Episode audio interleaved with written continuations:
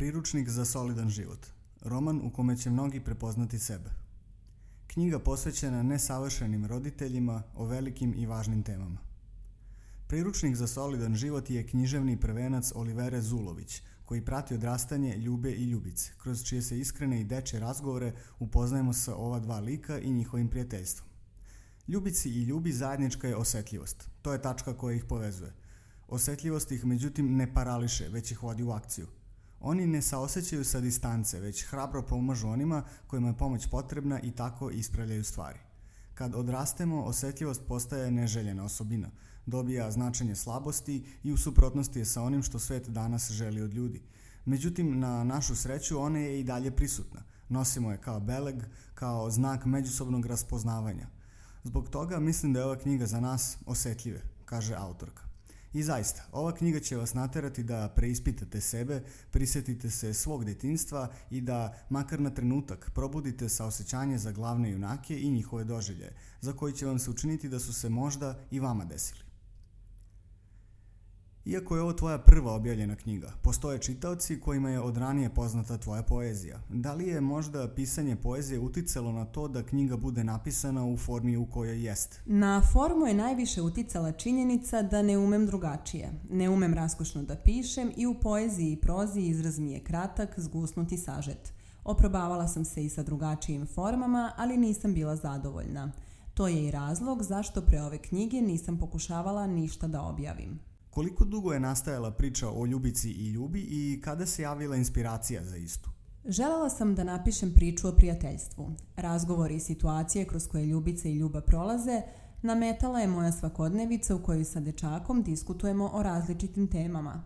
Okolnosti u kojima se junaci nalaze takođe su naša i iskustva ljudi u čijim sam životima učestvovala. Zbog čega ti je bilo važno da priču ispričaš iz dečje perspektive i šta je za nju specifično?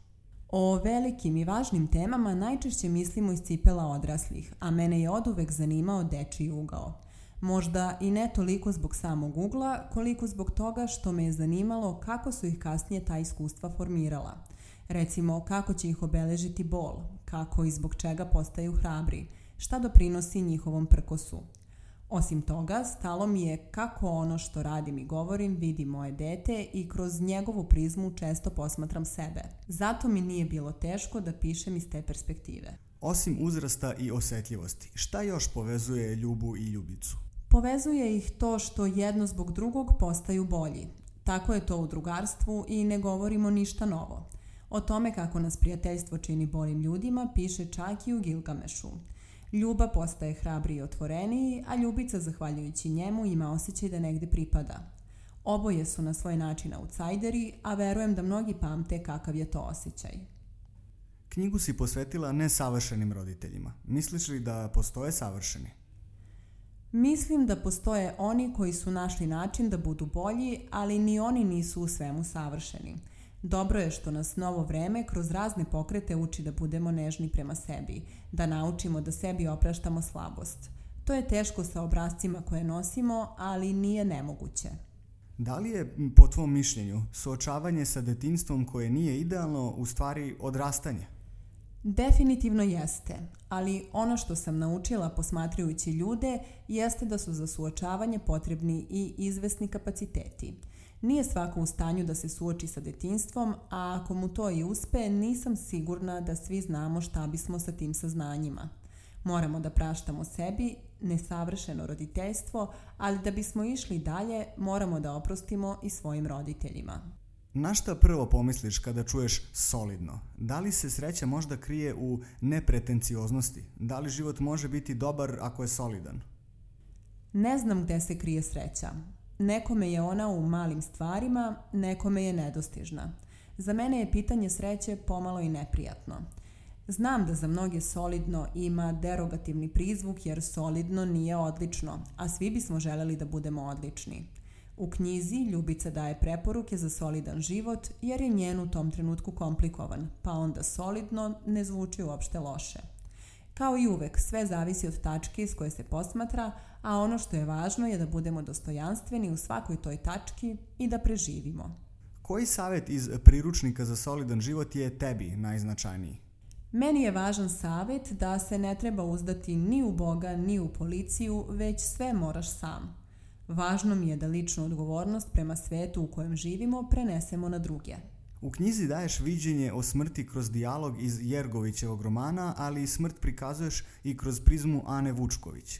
Koliko je tebi inspirativan motiv smrti? Oba ugla, to jest pogleda na smrt, su mi bliska.